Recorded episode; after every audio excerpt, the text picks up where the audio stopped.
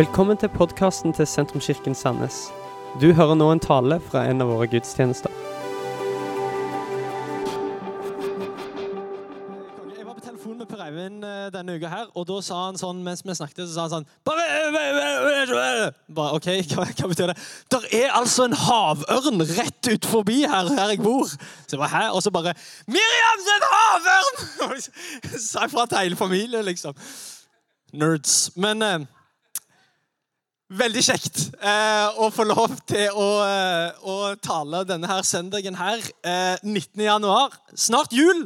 Nei da. Eh, kjente dere at jeg ble bitte litt stressa der? Bitt, bitte litt. 340 dager igjen til jul. Eh, men det er noen andre høydepunkter før det òg, eh, og Per Eivind har vært inne på det. Vi har en visjonssøndag neste søndag som, som vi gleder oss til. Og eh, hvis du ikke har vært der så mange ganger, så håper jeg du har fått med deg uansett at vi er ei kirke som drømmer om å få lov til å gi Jesus til en ny generasjon. Være ei kirke der nye mennesker og nye generasjoner kan få lov til å finne Jesus. Det er liksom drømmen vår, og det er det som vi kaller for vår, vår visjon. Og jeg tenkte at eh, jeg skulle si litt om det i dag. Og det er egentlig det, sånn vi har begynt dette året. 2020 med å gjøre at, at vi har satt liksom fokus på det igjen. Hva vil det egentlig si at vi gir Jesus til en ny generasjon? Hva betyr det? Ikke bare for oss kollektivt, hva betyr det for oss individuelt? Og, og ekstra spennende syns jeg det er at, at det er begynt et nytt tiår her. sant? 2020. Et nytt tiår. Hva kan skje? I de neste ti årene som ligger foran oss. Det synes jeg er spennende, for Veldig ofte så overvurderer vi liksom hva som skal skje på et år. Veldig ofte så er det liksom tidsfristen. Jeg gir det et år. Jeg gir eh, denne jobben et år. Jeg gir eh, dette forholdet et år. Jeg gir denne kirka et år. Og så overvurderer vi hva, liksom skal, hva, som skal skje, at alt skal bli så fantastisk på det året. Men på samme måte så tror jeg vi undervurderer på hva som kan skje på ti år. Hva som Gud kan gjøre på ti år. Hva Gud kan gjøre med en gjeng med mennesker som trofast går i samme retning i ti år. Jeg syns det er spennende. Og Jeg har vært med i denne kirka i mer enn ti år nå, og jeg synes det er utrolig kult hva Gud har fått lov til å gjøre, ikke bare gjennom oss kollektivt, men òg hva Gud har gjort gjennom meg. Eh, med at jeg har fått gått denne retningen i ti år. Så eh, Det var bare for å utfordre deg helt fra starten her. og Ikke bare tenke liksom 2020 nyttår, men det er faktisk et nytt tiår. Og jeg tror at Gud han har noe spennende for oss for den tida som ligger foran. Fun fact det er like lenge til 2050 som det er tilbake til 1990. Det er mind-blowing, Anders. Ja, det er skikkelig mind-blowing. Tenk litt på den.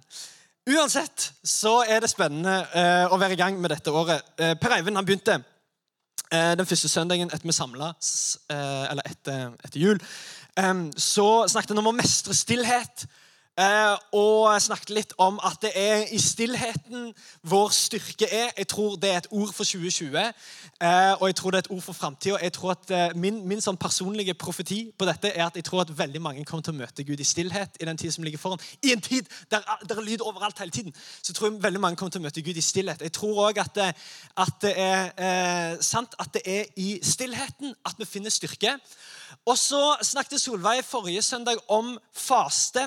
At, vi, eh, at, det er bra for oss når vi begynner et nytt år, eh, og eh, på en måte ta vekk noe av det som tar veldig mye tid og fokus i eh, dagliglivet vårt, og så legger vi det litt til side for en periode. Ikke fordi det er så galt, men fordi det tar mye av vårt fokus. Så legger vi det til side en periode for å fokusere på noe som er enda viktigere. For et enda større fokus. Eh, og vi ber sammen disse ukene om at vi skal få lov til å være kirka som fortsetter å gi Jesus til en ny generasjon. Faste det er ikke en sånn eh, greie der vi på en måte prøver å liksom vri hånda til Gud bak ryggen. liksom, og på en måte, Nå skal vi få mer ut av Gud. Men det er egentlig ganske motsatt. En måte for Gud å få mer ut av oss. Ikke sant? At vi setter oss sjøl i en sånn posisjon der, der, Gud faktisk kan få lov til å gjøre noe i oss og gjøre noe i meg. Eh, og eh, eh for meg og Karo vi har blitt utfordra av eh, André Martinsen eh, Farsund ser på dette forresten på skjerm. Hei. Eh, André Martinsen, eh, som er forsamlingspastor i Sentrumskirken Farsund, han har lurt meg og Karo med på å lese gjennom hele Bibelen på en måned. 40 kapitler til dagen. Det er helt psycho. Men det som jeg synes er veldig gøy med det, det er at, eh, at du får et, for det første får et fantastisk perspektiv på den store fortellingen. Men det er òg en sånn opplevelse at du opplever at, at Gud gjør noe med deg at når du har satt av tid, for det krever ganske mye tid å lese 40 kapitler, men når du har satt av den tiden, så er det løye hvordan du har pos bare posisjonert deg på en måte der du bare ikke kommer unna at, at Gud sier noe til deg. da. Og jeg synes Det er spennende å begynne et år på den måten og liksom på en ekstra særlig måte sette av tid for å høre fra Gud. Hvis du har en bibel med deg, så kan du bla opp i Salme 71 kommer òg opp på skjermen her. Salme 71, vers 16-18 skal vi lese. Ehm, dette er noen vers, eh, eller egentlig en salme som er skrevet av David, som var en konge i Israel. En stor konge. Det var en mann etter Guds hjerte, står det. Eh, han står for veldig mange av salmene som vi leser i Salmenes bok. Eh, og her i denne salmen så har eh, Den er blitt skrevet på en tid eh, egentlig på slutten av livet til David. Den er blitt ganske gammel. Og der står det sånn som dette. Jeg vil tale om Herren Guds storverk. Forkynne din rettferd, bare din. Gud, fra jeg var ung, har du lært meg opp. Jeg forteller fortsatt om dine under. Gud, forlat meg ikke selv når jeg blir gammel og grå. La meg tale om din kraft til hele den slekten som kommer. Dette her er på slutten av livet til David, og jeg elsker at han fortsatt ber om at han skal få lov til å tale om Guds kraft til den slekten som kommer. På slutten av livet så tenker ikke han nå er jeg ferdig, nå har jeg gjort mitt arbeid. Mens hans bønn til Gud er ikke forlat meg ennå. La meg få lov til å leve litt til. La meg fortsatt få lov til å ha nok styrke, sånn at jeg kan tale om din kraft. Med andre ord at jeg kan tale om hvor stor du er, og hva du har gjort for den slekten som kommer. For neste generasjon. Mitt liv, sier David, basically i denne salmen her, mitt liv handler fortsatt om de som kommer etter meg. Ja, jeg har spilt min rolle, jeg har gjort mine greier. Ja, jeg har vært lydig mot deg, og du har lagt noen ting på meg. Men jeg er ikke ferdig ennå. Jeg vil fortsatt tale til den slekten som kommer. Ganske annerledes egentlig er denne salmen fra, den, eh, fra de refleksjonene som Salomo, Davids sønn, gjør seg når han blir gammel. Salomo tok over som konge etter David i Israel. Eh, og han var en meget, meget vis mann. Gud kom til ham og spurte hva vil, du, hva vil du ha. Så sa han jeg vil ha visdom. Gi meg visdom, så jeg kan styre dette folket. Og så sier Gud fordi du ba om visdom og ikke om eh, makt og ære, liksom, så, så skal du både få visdom og makt og ære. Eh, og Det er det han får. og Han blir en stor konge. Han gjør store ting for Gud, og Gud gjør store ting i han. Men så skjer det noe merkelig når han blir litt eldre. For etter hvert så slutter han å følge sine egne råd, egentlig. Eh, og han går vekk ifra det som Gud hadde kalt han til, og det Gud hadde talt om. Han tok seg bl.a. 700 koner. Sant? Det er jo ikke rart det blir vanskelig å leve i hverdagen. Og på en måte, Det blir liksom kjempeutfordrende. Og, og, og, på en måte, Fokuset hans sklir litt vekk. Og, og 'Forkynneren' er en sånn interessant bok der det er liksom litt på, eh, når han har blitt litt eldre, at han skriver denne boken. Eh, og han funderer over livet, og han evaluerer seg sjøl. Og, og det står i ganske stor kontrast i forhold til det som akkurat leste i salmene. Hør på Forkynneren 2 og vers 16 til 18. Der står det Jeg hatet alt jeg hadde strevd og arbeidet med under solen. Alt må jeg overlate til den som kommer etter meg. Hvem vet om det blir en vis eller en dåre som skal herske over det jeg har vunnet med mitt arbeid og min visdom under solen. Også dette forgjeves. Da ble jeg grepet av fortvilelse i mitt hjerte over alt jeg har arbeidet og strevd med under solen. En helt, helt annen take på det å bli eldre. Salomo blir eldre og tenker med seg sjøl men, men hva nå? Jeg har jo bygd alt dette, jeg har jo gjort alt dette. Jeg har jo eh, makt og visdom og ære, men hva så, liksom? Nå skal jeg bare gi alt til neste generasjon. For en waste! For en ulykke! Mitt navn skal bare forsvinne, og så er det noen andre som skal ta over. Så trist, tenker han med seg sjøl. Det står òg at han reflekterer over at hvor merkelig det er at både den, den vise og dåren, eller liksom den dumme eller den usmarte, den uvise begge, begge to skal bare dø på slutten av livet. Og Han funderer over dette, hvor trist dette er. Og hvor, Det står at han hater alt sitt strev, hater alt arbeidet han hadde gjort, fordi nettopp at bare neste generasjon skulle ta over. Da bare forsvinner makten, og hans navn forsvinner. Og det føles bare ut som at alt var for ingen nytte. Jeg syns at det er ganske interessant at det går an å leve et helt liv i tjeneste for Gud, i tjeneste for andre, men likevel tenke på slutten av livet at alt handler jo egentlig om meg. Jeg syns det er interessant at du kan leve et helt liv sammen med Gud, men allikevel tenke at alt handler om deg. Og jeg tror hver generasjon og eh, hvert menneske har en kamp å vinne på dette området. Eh, hver generasjon står overfor fristelsen av å ta ære for det Gud gjør, istedenfor å gi ære for det Gud gjør. Vi står i fare for og fristelsen for å bare absorbere Guds godhet, nåde og kjærlighet istedenfor òg å reflektere Guds nåde, godhet og kjærlighet. Det er sant at Gud har, har nåde for oss, godhet for oss og kjærlighet for oss. Og det, det, skal vi ta imot. Han er til deg. Men livet slutter ikke når du har tatt imot Jesus. Det er da det begynner. Og, vet du hva, det er, er, et oppdrag for oss som ikke handler om oss sjøl, men som handler om at vi skal reflektere det vi sjøl har sett og hørt og erfart. For det som Gud vil gjøre gjennom oss, det handler ikke om oss. Det Gud vil gjøre gjennom deg, det handler ikke om deg. Og Gud kommer aldri til å kalle deg til å gjøre noe som helst som handler om at du skal få mer ære. Gud kommer ikke til å kalle deg til et liv der poenget er at du skal bygge et navn for deg sjøl. Og, her er ikke Ikke misforstå meg, fordi jeg tror at det er godt for oss å leve i Guds hensikt og i Guds kall. Jeg tror det er en velsignelse å få lov til å leve i etterfølgelsen av Jesus. Så ikke jeg, jeg, snakker ikke om at hvis du er en kristen, så fra nå av skal du ha dårlig samvittighet, og du burde være litt flinkere til å, til å reflektere Guds godhet. Det er ikke det jeg sier. Men vi lurer oss sjøl, tror jeg. Hvis vi tenker at Gud har kalt oss for å gi oss sjøl et navn. Og Her snakker vi om Jesus til en ny generasjon i Sentrumskirka. At det er vårt mandat. Og det mandatet, det, den visjonen, den drømmen, den tror jeg Gud har gitt oss for en grunn.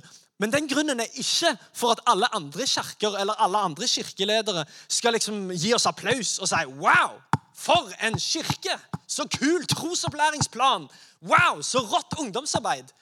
Det er ikke derfor Gud har gitt oss det mandatet om å gi Jesus til en ny generasjon. Det har han gitt oss for at vi skal gi Jesus til en ny generasjon. Basically. Og det er det samme med det kallet, det individuelle kallet som, som Gud har gitt hver enkelt en. Det er ikke for at vi skal bli løftet opp, men det er for at han skal bli løftet opp. Og så tror jeg at når vi lever et liv i etterfølgelsen av han, når vi lever i det kallet, så tror jeg det òg skaper og produserer glede og produserer fred og kjærlighet òg i våre liv. Det er mange falne helter i Gamletestamentet, spesielt nå når vi har pløyd det de siste ukene. Så er det interessant å se det er mange falne helter som ble salva, som ble utrusta, men som på reisen ble mer opptatt av posisjon enn innflytelse, f.eks. Som ble mye mer opptatt av makt enn tjeneste. Som ble mer opptatt av å gi seg sjøl et navn og et rykte istedenfor å velsigne neste generasjon med en arv. Tenk så kult hvis vi som kirke kunne, kunne sett på oss sjøl som fasilitatorer for den generasjonen som kommer etter oss. Hvis vi kunne på slutten av vår levetid egentlig be sånn som David om at ja, jeg vil bare fortsette enda litt mer, fordi det kom en generasjon etter meg. Vet jeg har bare lyst til å gi det videre til de som, de som, mine barn, mine åndelige barn, som kommer etter meg. Vet du, Det handler òg om å forstå eh, seg sjøl i, i, i, den store historien. For et menneskets liv, det, Bibelen snakker også om at eh, et menneskets liv er akkurat som gress. Det vokser opp den ene dagen, så er det vekke den andre dagen. Og Det er litt sånn pessimistisk, men det er litt sant òg. Og vi er her bare for en tid. sant? Vi er her bare for en periode. Og så tenker jeg med meg sjøl ok, dette er min vakt. Jeg skal ta det på alvor. Jeg skal ta det på alvor at nå er det meg. Altså Gud han brukte Paulus og Peter og apostlene og profetene. Liksom, Det gjorde han da. Nå bruker han faktisk meg. Nå bruker han faktisk deg. Det er ikke noen andre. Nå bruker han oss, liksom, som tror dette er vår vakt. Nå spiller vi vår rolle. Men samtidig så må vi vite det begynte ikke med meg. Og på samme måte, det skal ikke fullføres med meg heller. Så alt jeg skal gjøre, det handler om å gi, eh, bygge opp noe som jeg kan gi i arv til de som kommer etter meg. Gi, meg, gi be, noe som de kan stå på, skuldre som de kan stå på. Og forstå seg selv i denne sammenhengen at dette handler ikke bare om meg, men det handler også om de som kommer faktisk etter meg. Så hvordan gjør vi dette? Hvordan lever vi et sånt kristenliv? Hvordan lever vi med et stort kall? For faren er jo dette. Sånn som vi ser på Salomo og utallige andre i Bibelen spesielt. Og ikke bare i Bibelen, vi kan se det i, historien, i kirkehistorien og alt. Der Gud kalles til store ting, og jeg tror at Gud også kalles til store liv. Og at han gir oss store kall. Men faren er jo at vi tar det som Gud har lyst til å gjøre, gjennom oss, og så bare kommer det aldri gjennom oss. Det bare forblir i oss. Og så tenker vi at det er jeg som skal bli opphøyd, det er jeg som skal få makt, det er jeg som skal få ære, det er jeg som skal få et navn. Og så blir det til slutt til noe ødeleggende. Hvordan kan vi leve ut vårt kall uten å falle i fristelsen av å bare bli egoistisk eller sjølopptatt? Hvordan kan vi leve store liv, men likevel med et ydmykt hjerte? Og fasiten er Jeg har ikke fasiten på det. Og det er sikkert mye det går an å si, altså. Men en ting som jeg har tenkt på den siste tingen nå i begynnelsen av dette året, vi virkelig har lyst til å trekke fram og Vi har vært innom det mange ganger allerede i 2020. Men jeg har lyst til å trekke fram bønnen som den aller, aller største nøkkelen for å kunne leve et stort liv, men samtidig bevare et ydmykt hjerte. Gud kaller oss til å leve et stort liv. Men hvis ikke vi har ydmykhet i det og forstår hvem vi er oppi det, så er det ikke sikkert det livet blir så stort likevel. Og jeg tror bønn er nøkkelen. Rekk opp hånda hvis du pleier å pusse tennene om kvelden. Ja, ganske, ganske mange. Pusse tennene er viktig. Det er veldig, veldig viktig. Det var noen som ikke rakk opp hendene. Det er litt rart, men ok. Eh, det er veldig, eh, det er veldig viktig å pusse tennene. Og det som jeg, jeg synes er interessant med å pusse tennene, jeg tror jeg har snakket om dette før, det er at eh, når du pusser tennene så, altså sånn, Hver kveld så bare pusser du tennene. Sant? Det er bare en sånn vane som du har. Det, du har bare lært opp det siden du var liten. og du bare gjør Det Det er veldig sjelden at du liksom gjør en veldig liksom, nøye vurdering av følelser og av tidspunkt på døgnet og hele den pakken der. Liksom, Skal jeg orke det i dag? Du, du tenker ikke det liksom hver eneste kveld. Det bare skjer av seg sjøl. Fordi du gjør det ikke av at du liksom føler for det, men du gjør det fordi det er blitt en disiplin. Og, og, det er kjempebra, for det er veldig sjelden at jeg føler meg inspirert til å pusse tennene. Eh, men siden jeg er blitt disiplinert, så gjør jeg det likevel. Så det er kanonbra. Uh, og vet du hva, litt på samme måte så er det med bønnen. Jeg, tror på inspirert bønn. Jeg, jeg, tror på det av hele mitt hjerte, og det er egentlig det vi ofte gjør når vi kommer sammen her. Vi, vi leser et behov. Wow, her var det et behov. Nå skjer dette i kirka, nå skjer dette i landet. Og nå ble vi inspirert. Ja, la oss be for det. Og så ber vi for det, og, og de bønnene er like viktige som alle andre bønner. Men det som er fantastisk med disiplin, det er at disiplin tar over når inspirasjon slutter. Sånn at eh, Eh, det som er fantastisk med å ha en disiplin av å be, det er at du sørger for at du er i en posisjon, eller du hele veien posisjonerer deg på en måte der du fortsatt kan få lov til å høre Guds stemme, selv om du ikke er inspirert. Og Dette tror jeg er en superviktig eh, nøkkel i forhold til å bevare troen, bevare ydmykheten. Nemlig at vi ikke bare ber når vi er inspirert, men at vi skaper oss en disiplin av bønn. Og det høres jo grusomt kjedelig ut. Men det er grusomt gøy hvis du først eh, får gang på det. Fordi Grunnen til at jeg trekker fram dette i denne sammenhengen, det er egentlig tre, tre grunner. de kommer opp her. Det første er at bønn refokuserer, nei, rekalibrerer fokuset ditt. Bønn rekalibrerer fokuset ditt. Bønn er ikke bare verdifullt når du får svar. Bønn har ikke bare verdi hvis du får et svar. Nei, bønn har en egenverdi. Bønn som disiplin, som vane, har en egenverdi fordi det rekalibrerer fokuset ditt på hva som egentlig er viktig.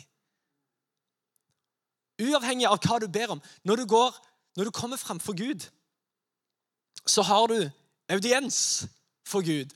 Det betyr at Gud hører på din stemme. Gud er til stede. Han er klar til å høre for deg.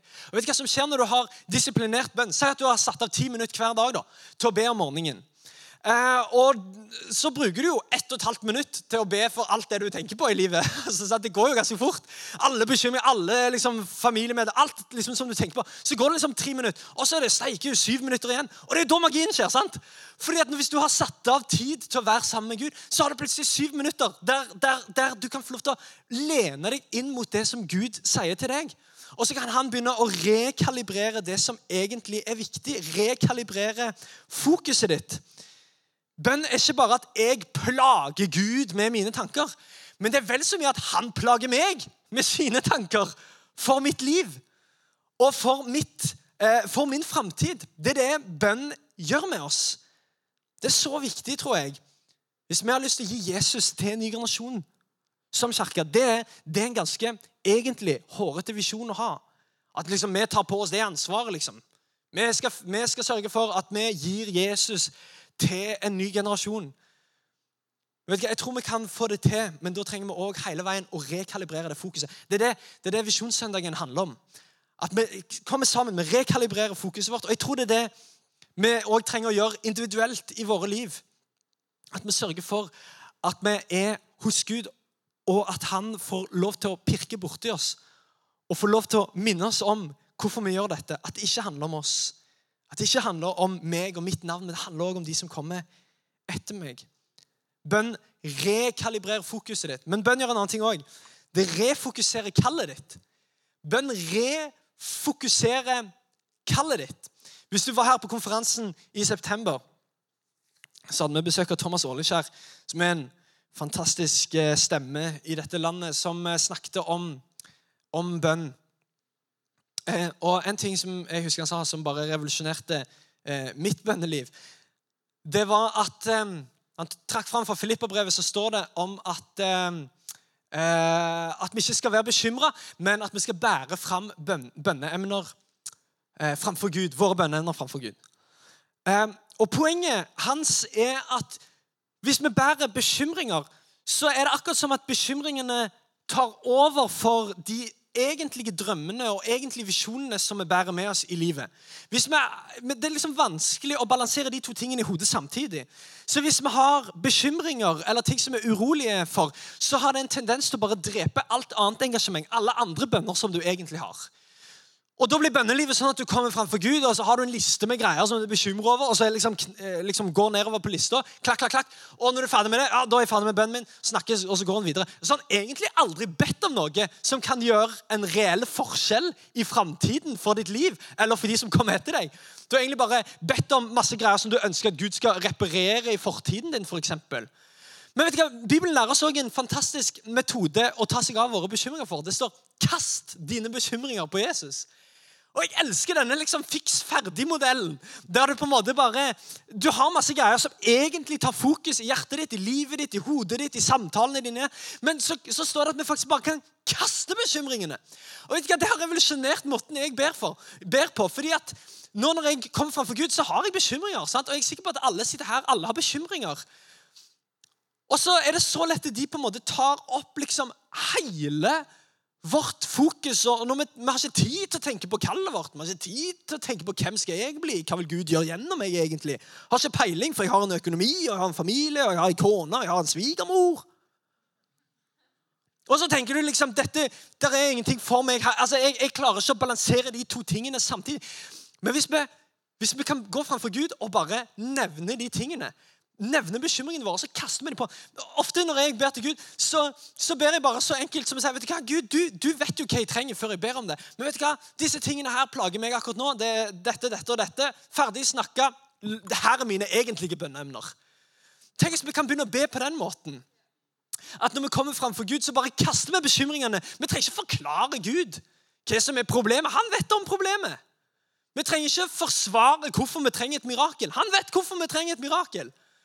Så vi kan bare nevne det framfor han og si dette er tungt på mitt hjerte. nå. Jeg kaster det på deg. Jeg gidder ikke å snakke om det mer. jeg gidder ikke å tenke på det mer. Nå er det i dine hender. Her er mine egentlige bønneemner.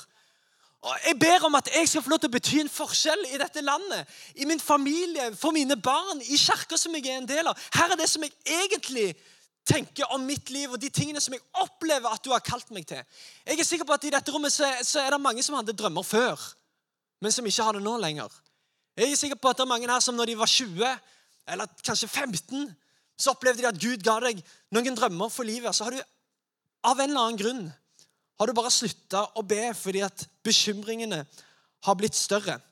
Du har sluttet å tro på at det faktisk fins et stort liv for deg fordi at bekymringene har blitt større, og det har tatt opp alt ditt fokus.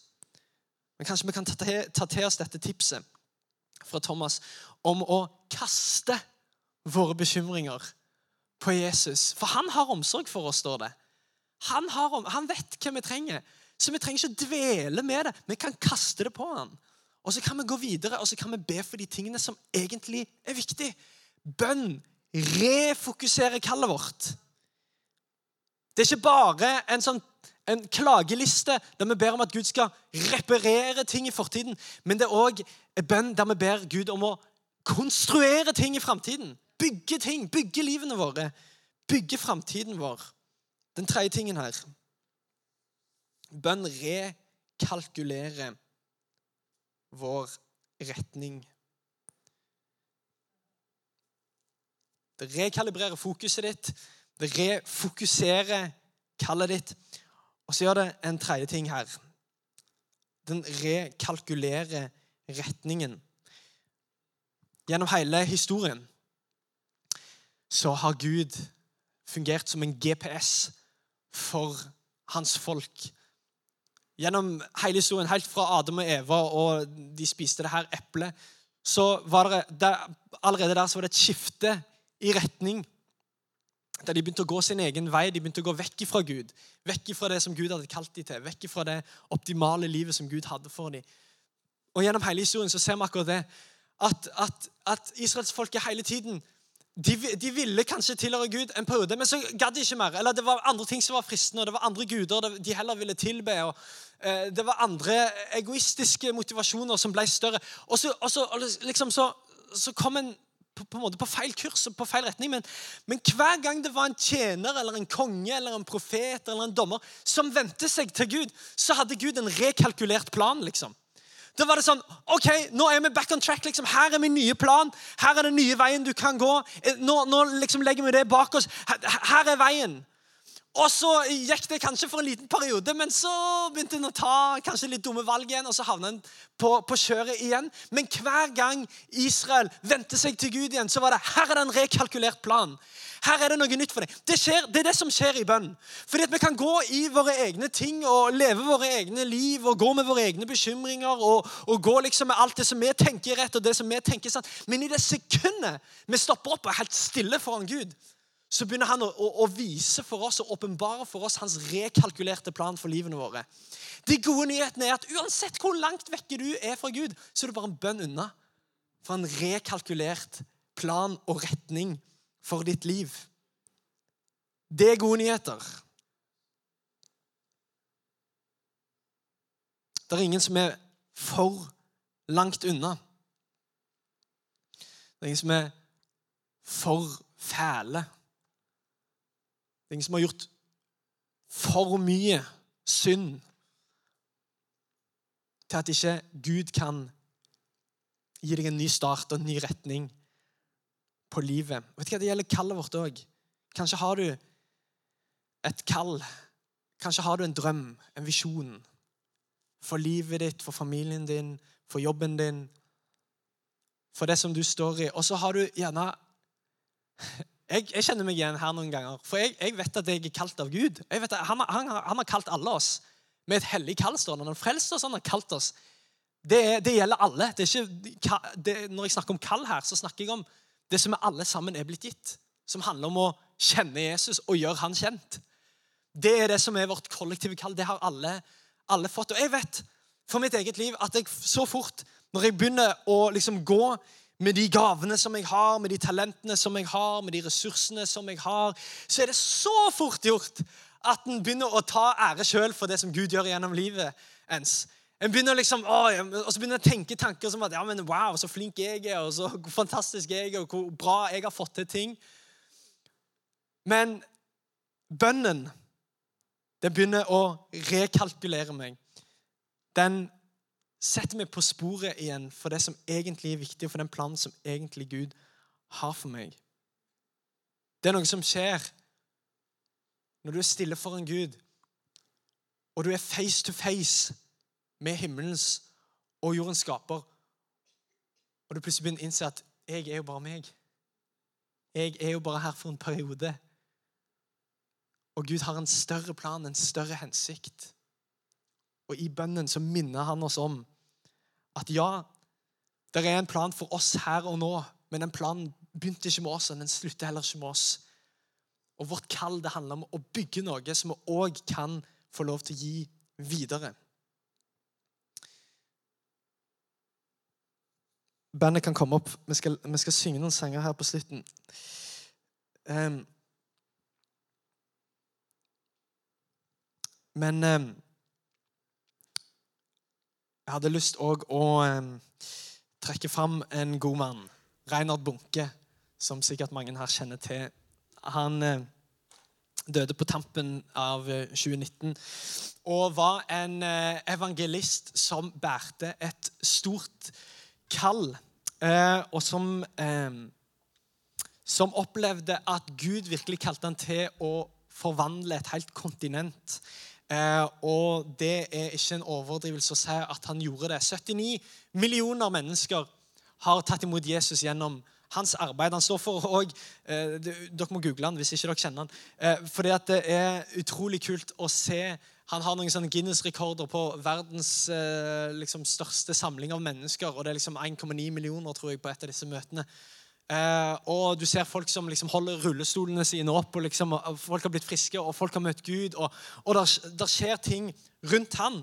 Og det var eh, rørende eh, og på mange måter oppmuntrende. Selv om det var trist at han døde, så var det likevel vilt å se responsen som kom fra over hele kloden, egentlig. Over folk som, som unge mennesker eh, spesielt, som, som trakk fram at wow, Reinhard Bunke han har vært min helt. Han har vært mitt forbilde. Eh, den mannen, Det han sa, det han gjorde, det gjorde at jeg fikk tro på meg sjøl og på mitt liv og på, på, på, det som ligger foran meg. Eh, og En av de tingene som kommer fram med Reinhard Bunke, det var at han var en mann av integritet. Det var ingen skandaler rundt ham. Det gikk ikke an å ta han på noe. Han levde et helt liv fram til han var gammel og grå, sånn som David. Og jeg er sikker på han ba lignende bønner. Han levde et helt liv for neste generasjon. Et helt liv som handler om at den ene Det handler, ikke, det handler aldri om mengder, men det handler alltid om den ene som skulle også få lov til å møte Jesus. Folk trakk fram hans integritet, at han hadde et intimt forhold med Den hellige ånd. At han hadde en relasjon til Jesus. Og at det var det som gjorde at han òg var den som han sa at han var. Jeg er overbevist om at nøkkelen for å bevare et ydmykt hjerte gjennom å leve et stort liv, det er bønn. Reinhard Bunke sa en gang òg at hemmelig bønn er hemmeligheten til bønn. Og jeg elsker det sitatet. Hemmelig bønn er hemmeligheten til bønn. Så det som virkelig er hemmeligheten her, det er å lukke døren sin. Det er stillheten. Det er å være aleine sammen med Gud. Det er flott at vi kan komme sammen, og at vi kan be sammen som fellesskap. Og at vi kan oppmuntre hverandre, at vi kan bære hverandre. At vi kan stå sammen i lovsang, at vi kan løfte hendene våre kollektivt. Det gir tro. Men hemmeligheten til bønn, det er Den hemmelige bønnen som bare du og Gud har sammen. Som bare du og han har helt alene. Det der relasjon skjer. Det der relasjon utvikles. Det der du blir alt det som Gud har kalt deg til å bli. Det der han refokuserer deg, rekalibrerer deg. Så sier også Bunke at når du lukker din dør, så åpner himmelen sin dør. Og så øser han ut velsignelser over ditt liv. Reinar Bunke fikk lov til å gi det videre til neste generasjon før han døde, og jeg elsker dette.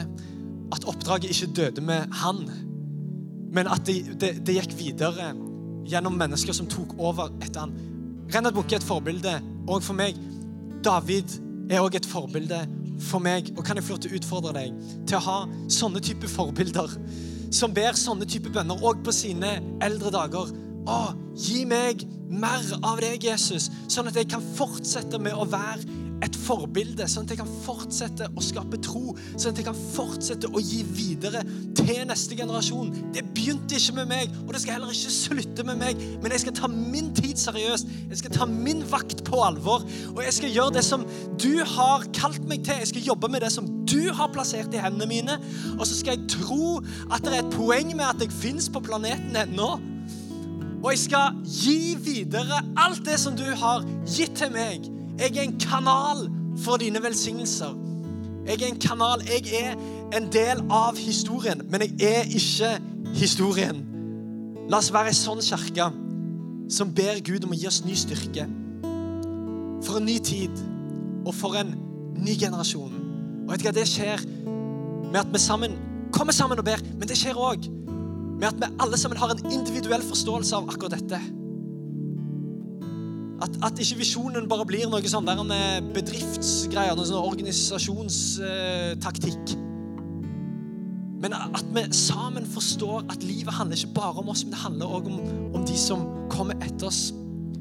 Og for en spennende tid som ligger foran oss, og for en spennende eh, skjebne denne kirka har, hvis vi alle sammen tør å tro at Gud har noe spesielt for oss som ikke handler om oss. Jesus, jeg takker deg for at du er her med din ånd, med din kraft.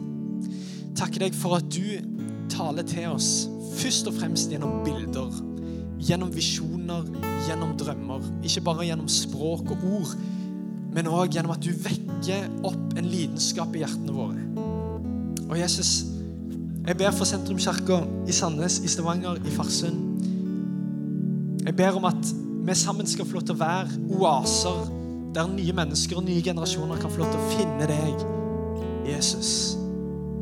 Jeg ber Herre om at du vekker opp hver enkelt en av oss for det kallet, for det livet som du har for oss, Gud. At du åpenbarer for hver enkelt en hva det vil si at vi gir deg videre for de som kommer etter.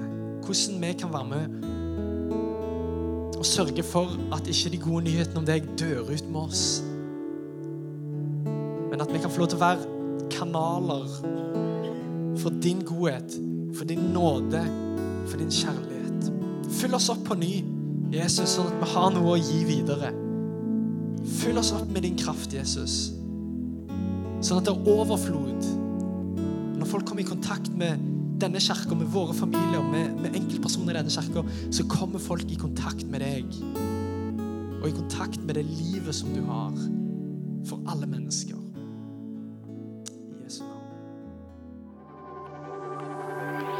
Dette var slutten på denne talen. Håper du har blitt inspirert.